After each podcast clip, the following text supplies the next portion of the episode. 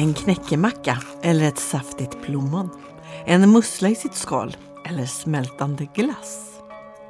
Att vi äter vad vi äter beror på till exempel vad vi kan få tag på för mat, vad vi är vana vid för mat, vad maten kostar och förstås om vi gillar den. Smak som är så mycket mer än en blandning av grundsmakerna sött, salt, surt, beskt och umami. Smaker är fantastiskt nyanserade och samkörda rapporter från smak och luktsinnet kompletterat med upplevelser och sånt som matens konsistens och temperatur. Det har varit en, en ganska tråkig trend att maten ska ta kortare och kortare tid och kosta mindre och mindre. Och maten har varit ganska nedprioriterad men jag tror vi kommer värdesätta maten mer i framtiden och låta den ta större plats i våra liv och då är ju kanske smaken en av de allra viktigaste parametrarna. Några ord från Victoria Olsson som arbetar med sensorik vid avdelningen för mat och måltidsvetenskap vid Högskolan i Kristianstad. Victoria Olsson tror att framtidens mat kommer att handla allt mer om smak. Temat för det här avsnittet av Feeding your mind. Maten och måltiden, den här stunden som vi sitter ner och ägnar åt maten, det har stor, stor betydelse både för vår fysiska och psykiska hälsa så att jag tror maten eh, förtjänar en, väldigt stor del i våran, våra liv.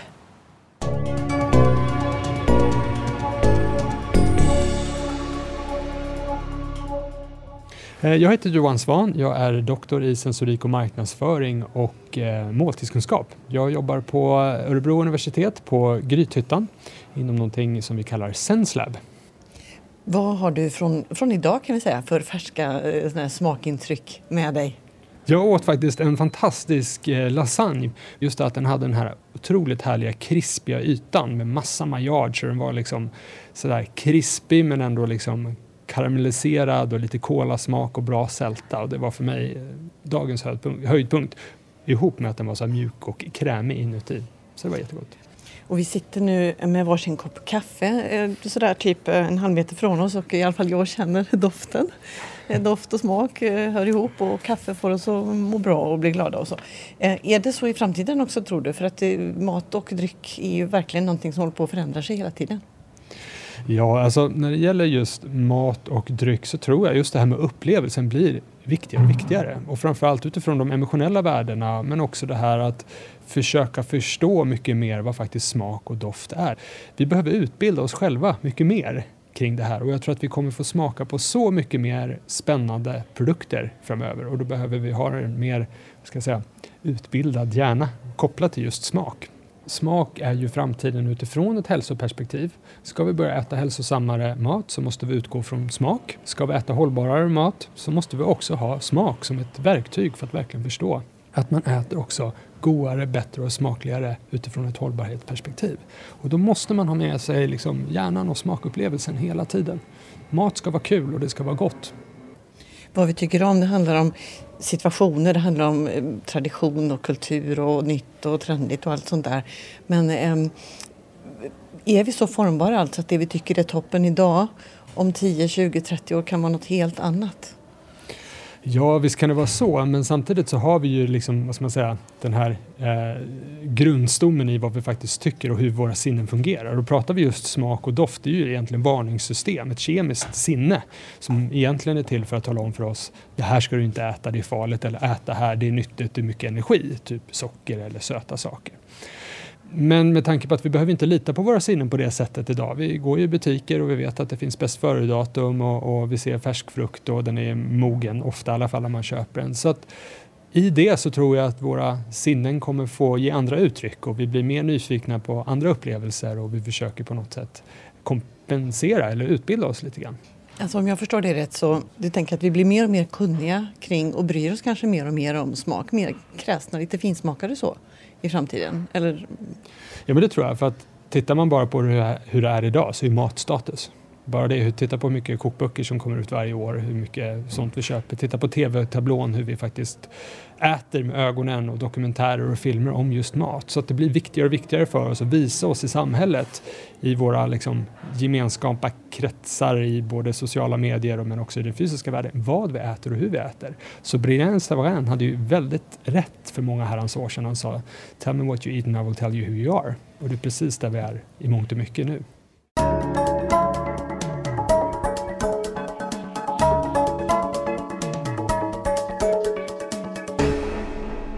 Bria Savarin, som Johan Svan nämnde, var en fransk advokat, politiker och gastronom.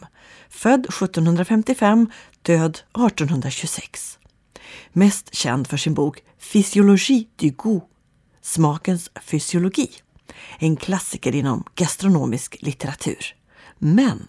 Och hur får man ihop det här med att vara mer kräsen vad man vill ha? Det ska vara sådär jättegott. Och så ser man framför sig en framtid med kanske mycket alger, um, insekter, sånt som man här och spontant kanske inte tänker, åh vad gott. Jo, men alltså det kommer ju ske en väldigt eh, tydlig produktutveckling eller innovation kopplat till det, vad, faktiskt, vad man kan göra med de här produkterna för att också mäta och förstå vad är det vi faktiskt gillar. Och jag tycker ju det här är jättespännande med just insekter, alger och helt nya produkter som vi faktiskt inte äter, för helt plötsligt så kommer det ju nya smaker och smakupplevelser. Det är inte samma smaker som vi kanske är vana med. Nu kommer helt nya produkter. Alltså vi kanske inte behöver prata köttsmak i framtiden. Det kanske kommer andra typer av smaker. Och det tror jag kommer vara jättespännande. Smaker som vi helt enkelt inte har namn på för vi har inte upptäckt dem än. Vi har inte så mycket namn på smak överhuvudtaget. Det är det som är problematiken. Vi, att prata smak är ju problemet att vi har inte så mycket vokabulär för smak. Så där behöver vi nu, och det vi pratar om mycket här, att hitta sätt. Hur utvecklar vi ett språk för smak? Och hur gör man det så att det funkar i alla lägen? Alltså yngre och de som inte är sådär jättematintresserade, men också de här kanske, vad ska jag säga, finsmakarna, men också de som vill utbilda sig eller bli duktigare. Hur hittar man om ett sätt att börja faktiskt kommunicera mat och smak? Du lyssnar på en podd från Sveriges lantbruksuniversitet. Och så till den återkommande frågan som hela den här podden ju handlar om. Vad tror vi blir framtidens mat? Ulrika Gunnerud heter jag och jobbar med forskningsfrågor på Fatser. Framtidens mat tror jag kommer vara mer individbaserad utifrån att måltiderna är baserade utifrån dina egna preferenser din smakpreferenser, kulturella preferenser men även kanske vem du är och är man riktigt hardcore så går man ju in på kanske analyser av din mikrobiota, kollar hur den är uppbyggd och äter utifrån det. Vad du har för tarmflora. Vad du har för tarmflora, precis. Hej, jag heter Sara Begner och jobbar som projektchef på Coop och där jag ansvarar för vår medlemstidning Mersmak och vår kokbok bland annat. Jag tror att framförallt just nu så har vi ett proteinskifte där vi går mot vegetabiliska proteiner och den är, förändringen just nu är lavinartad. Jag är inte så mycket för att vi ska ta bort kött utan vi ska äta mycket mer grönt och framförallt se alla säsonger, se variationen. Det är i det gröna köket som alla smaker finns. Där har du chilin och ingefäran, limen och örterna och basilikan och salvian och allt vad du kan hitta. Så du har ju så otroligt mycket smak i det gröna köket som kött är bara kött, kyckling är bara kyckling. Det är för sig en bra konsistens och en bra bärare av smak. Men, men jag tycker att det är ointressantare än det gröna köket.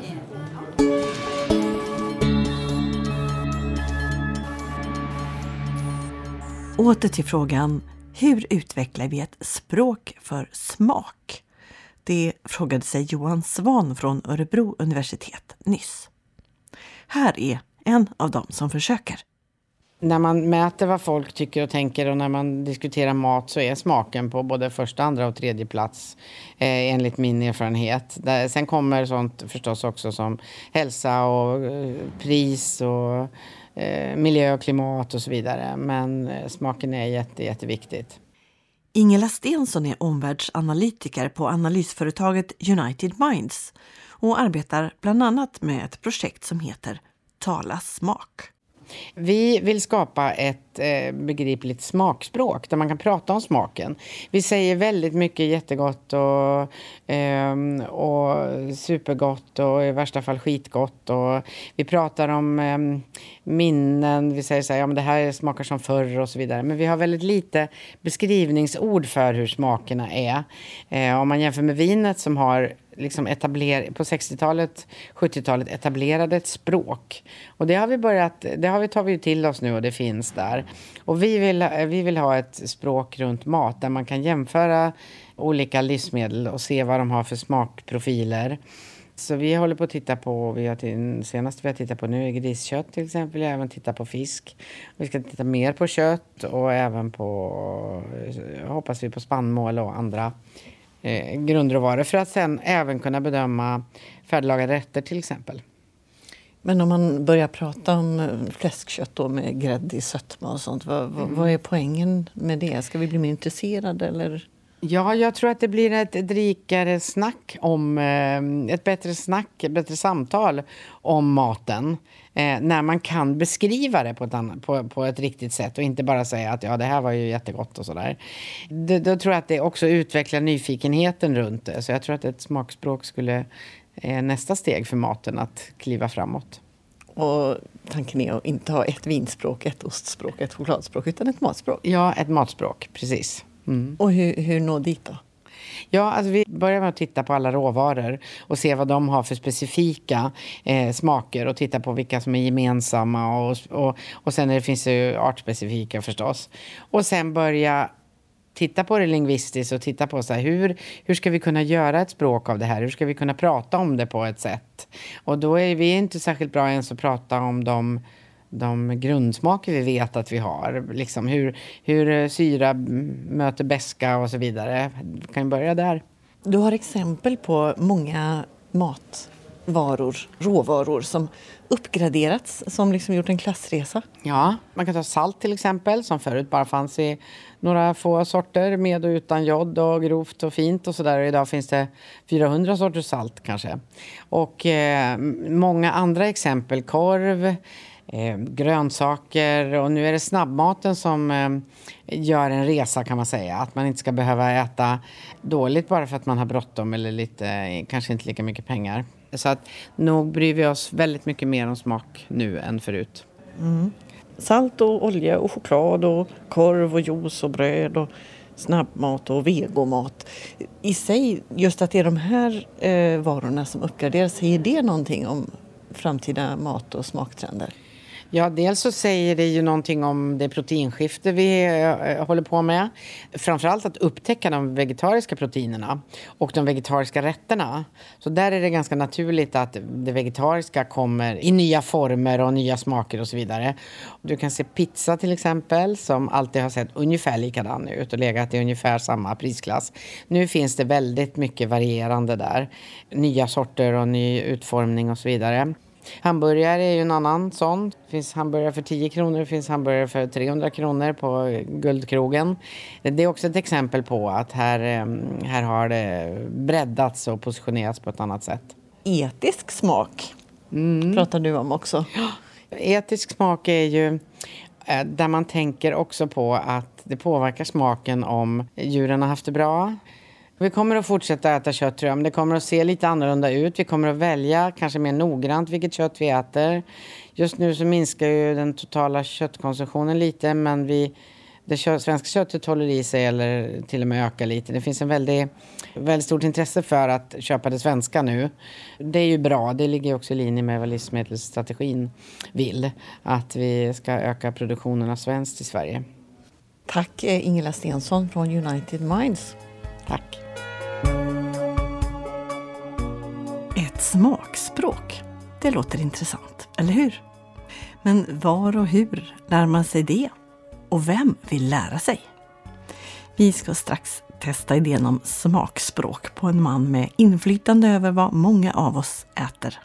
Eh, jag heter Dan Jakobsson och jag jobbar som färskvaruchef på ICA Sverige.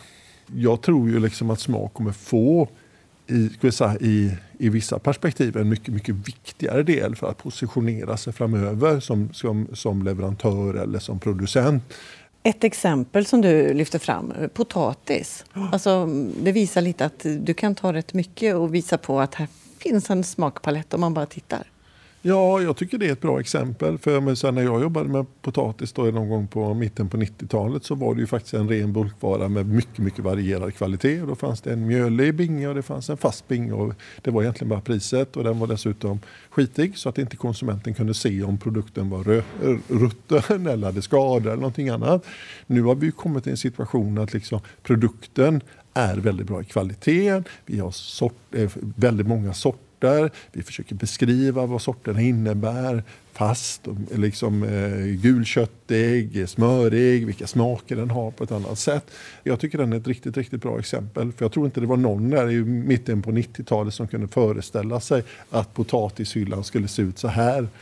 Vad tror du om att satsa på ett smakspråk? Jag tror det är viktigt att prata om historien och varför det smakar någonting. Däremot liksom utveckla själva språket lingvistiskt så, det tror jag är rätt så utmanande. Mm. Ungefär som esperanto, en fin tanke. Precis, men... precis va? ungefär som esperanto. Fin tanke men väldigt, väldigt svårt. Och det är lätt att man liksom härrör till, till, till, till vinvärlden. Men det är ju en liten klick människor som pratar, ska vi säga, inom citationstecken, vinspråk. Eh, vi flesta vanliga konsumenter, och eh, då är jag en duktigt intresserad vinkonsument ändå, känner inte riktigt att det lirar med mitt språk heller. Men jag tycker kanske att, att vi inte vi, vi, kapitaliserar inte fullt ut på hela den fantastiska smaktradition som egentligen finns i Sverige. Och ibland så tycker jag kanske vi tittar för mycket antingen på exportfrågan eller att kopiera andra länders produkter. Som att säga nu ska vi göra en svensk prosciutto eller nu ska vi göra svensk mozzarella. Ja, men varför ska vi göra det? Det finns fantastiskt mycket fin charktradition. Det finns en fantastisk mejeri och osttradition i Sverige. Låt oss använda den istället för att bygga smakpaletten, intresset, engagemanget för den svenska produkten. För jag menar det att om vi gör en prosciutto så, ja, då blir det alltid så att vi är en kopia på originalet. Och vem vill vara en kopia av originalet? Vi vill vara, vi vill vara den unika produkten.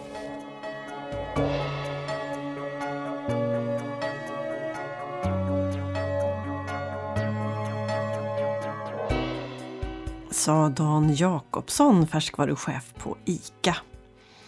Och apropå svenska smaker att ta vara på. En av våra klassiska svenska hårdostar i eh, riven form. Jag kan ta smaka lite på här.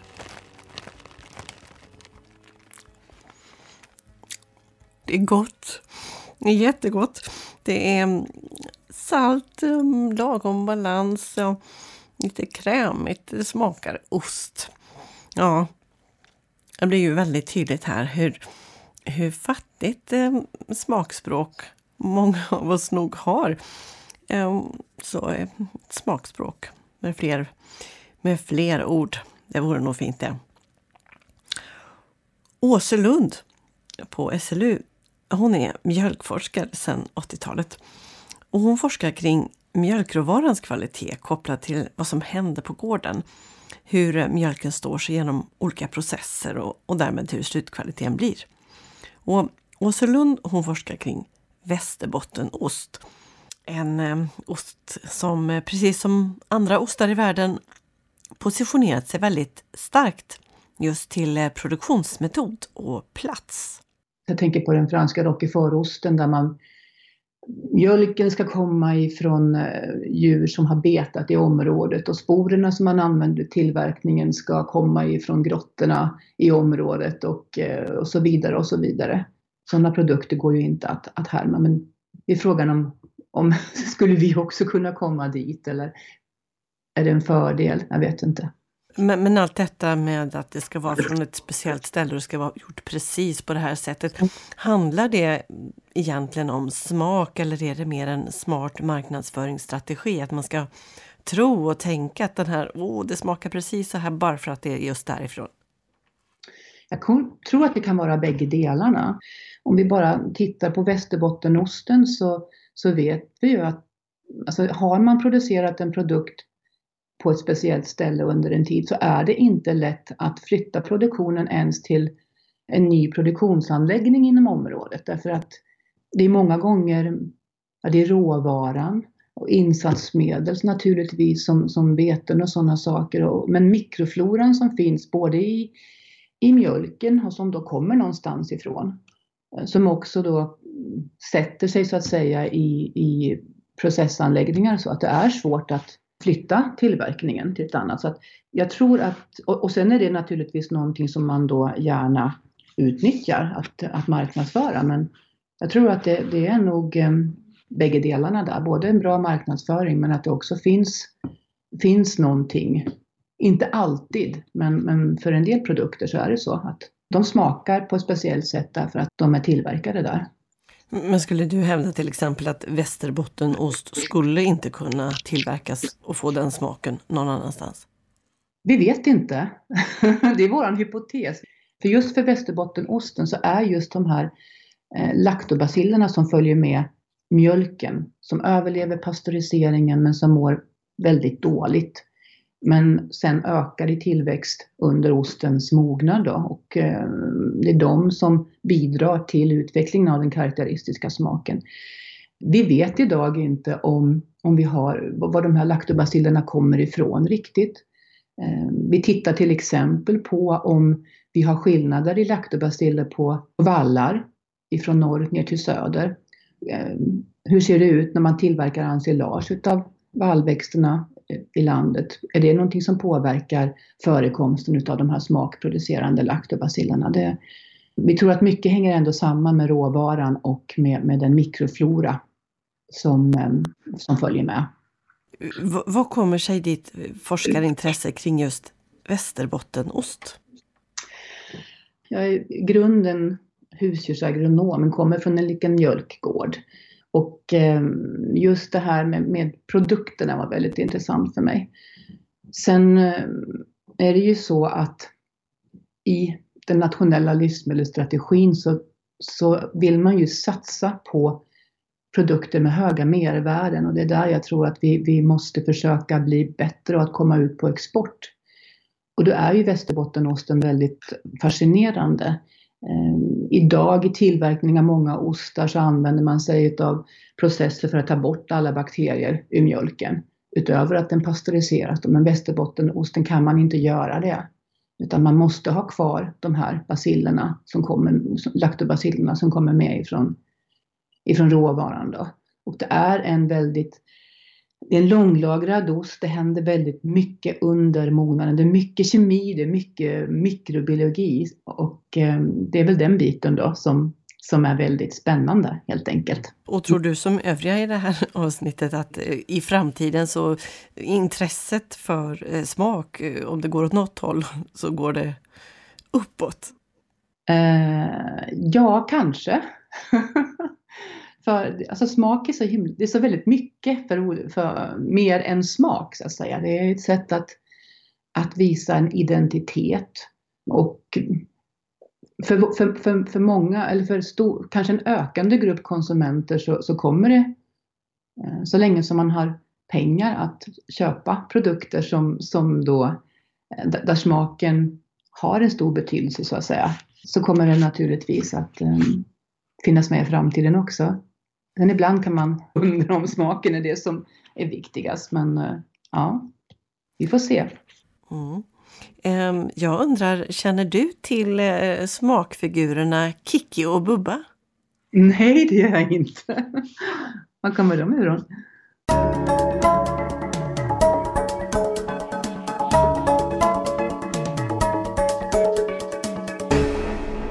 Ja, Åse Lund är inte ensam om att undra det. Jag hade inte heller hört talas om Kiki och Bubba förrän jag pratade med Johan Svan, doktor i sensorik, marknadsföring och måltidskunskap på Grythyttans Senslab. Några av verktygen han jobbar med kring just smak är figurerna Kiki och Bubba. Men varför då? Jo, för att eh, språket påverkar vad vi förväntar oss det sensoriska språket men också ihop med lingvistiken, alltså semantiken, ordets betydelse. Vad är det det händer när du säger vissa saker? Hur påverkar det smakupplevelsen? Blir det en kicki eller blir det en bubba? För de som inte träffat de här figurerna förut så eh, är Bubba lite så här som en eh, mjuk figur, lite Barbapapa bubbelgum så. Och Kikki är som en stjärna, en explosion, lite spretig. Och kanske både vår syn och vad vi hör, de här hårda eller mjuka, får oss att associera och tänka på olika sätt kring smaker också. Mm. Jo men precis, din hjärna drar ju på något sätt, vad ska man säga, förhastade slutsatser. Den säger liksom att amen, bubba men den ska upplevas lite rundare och sötare och, och sådär. Både om man har en bubba-figur eller bubba i bara text. Och Kiki på något sätt så får hjärnan för sig att uppleva smaken på något annat sätt. Det här kaffet bara avslutningsvis då, det, det kanske inte går att beskriva som varken Kiki eller Bubba. Vad skulle man om, försöka hitta något bra ord som beskriver ja, kaffesmak? Jag tycker ändå att den, det, det är lite Kiki i det här ändå. Men eh, det man får här är ju den här fantastiskt lilla papperskoppen eh, som är av det minsta laget. Man känner värmen ganska tydligt.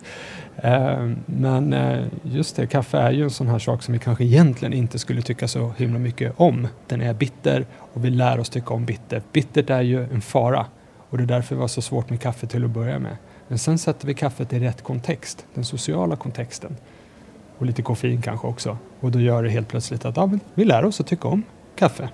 Svart eller med mjölk eller med socker eller vad det nu är för något. Du har lyssnat på podden Feeding your mind från SLU Future Food om smakernas betydelse för framtidens mat. Jag heter Ylva Karlqvist Warnborg och säger på återhörande